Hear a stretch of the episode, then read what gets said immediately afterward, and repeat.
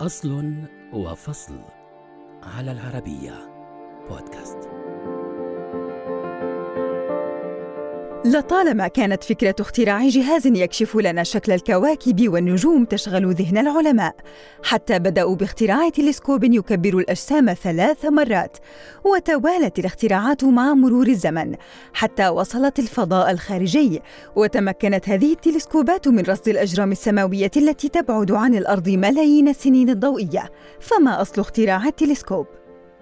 ظهر التلسكوب لأول مرة في هولندا في عام 1608 بعدما اخترع الهولندي هانز ليبرشي أداة تكبر الأجسام من ثلاث إلى أربع مرات وتكون اختراعه من أنبوب بداخله عدسة محدبة وأخرى مقعرة وأطلق عليه التلسكوب. انتشرت أخبار اختراع التلسكوب بسرعة عبر أوروبا وفي عام 1609 صنع العالم الإيطالي غاليليو تلسكوبا عرف بتلسكوب غاليليو وكان يكبر الأجسام 33 ضعفا وطوله متر ونصف واستطاع من خلاله رؤية الحفر على سطح القمر ورصد أقمار المشتري. تسابق العلماء بعدها في أنحاء أوروبا على تصميم وبناء تلسكوباتهم الخاصة واستطاع الألماني يوهانس كيبلر في عام 1611 من صنع تلسكوب يحتوي على عدستين محدبتين.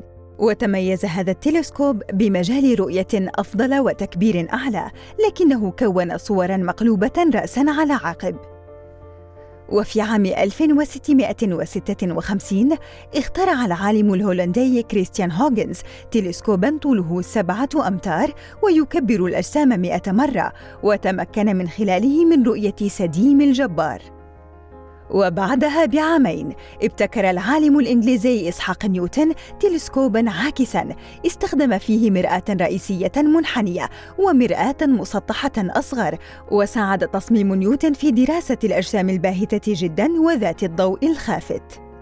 وفي عام 1721 نجح الإنجليزي جون هادلي في صنع تلسكوب محسن من تلسكوب نيوتن قطره ست بوصات وطوله البؤري متر ونصف واستطاع من خلاله تقريب الأجسام نحو 200 ضعف. توالت التحسينات على التلسكوبات في القرن التاسع عشر وتمكن الفلكي الألماني فريدريك ستروف في عام 1824 من تركيب تلسكوب في مرصد دوربات الروسي واستخدمه رفقة علماء الفلك في مسح أكثر من 120 ألف نجم.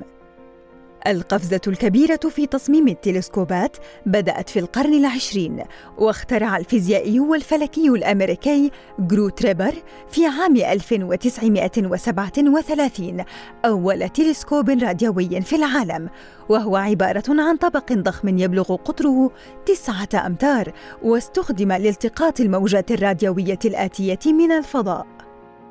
وبعد الحرب العالمية الثانية ازداد الاهتمام بالتلسكوبات الراديوية فتمكن الفلكي البريطاني برنارد لوفيل في عام 1957 من بناء تلسكوب راديوي ضخم يبلغ قطره 76 مترا في مرصد جودريل بانك في بريطانيا.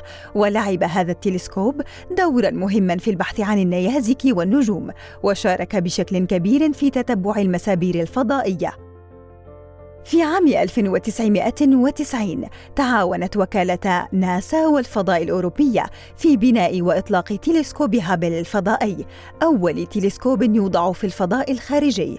وبعدها بعام واحد أطلقت ناسا ثاني تلسكوب فضائي وهو مرصد كومتون لأشعة جاما.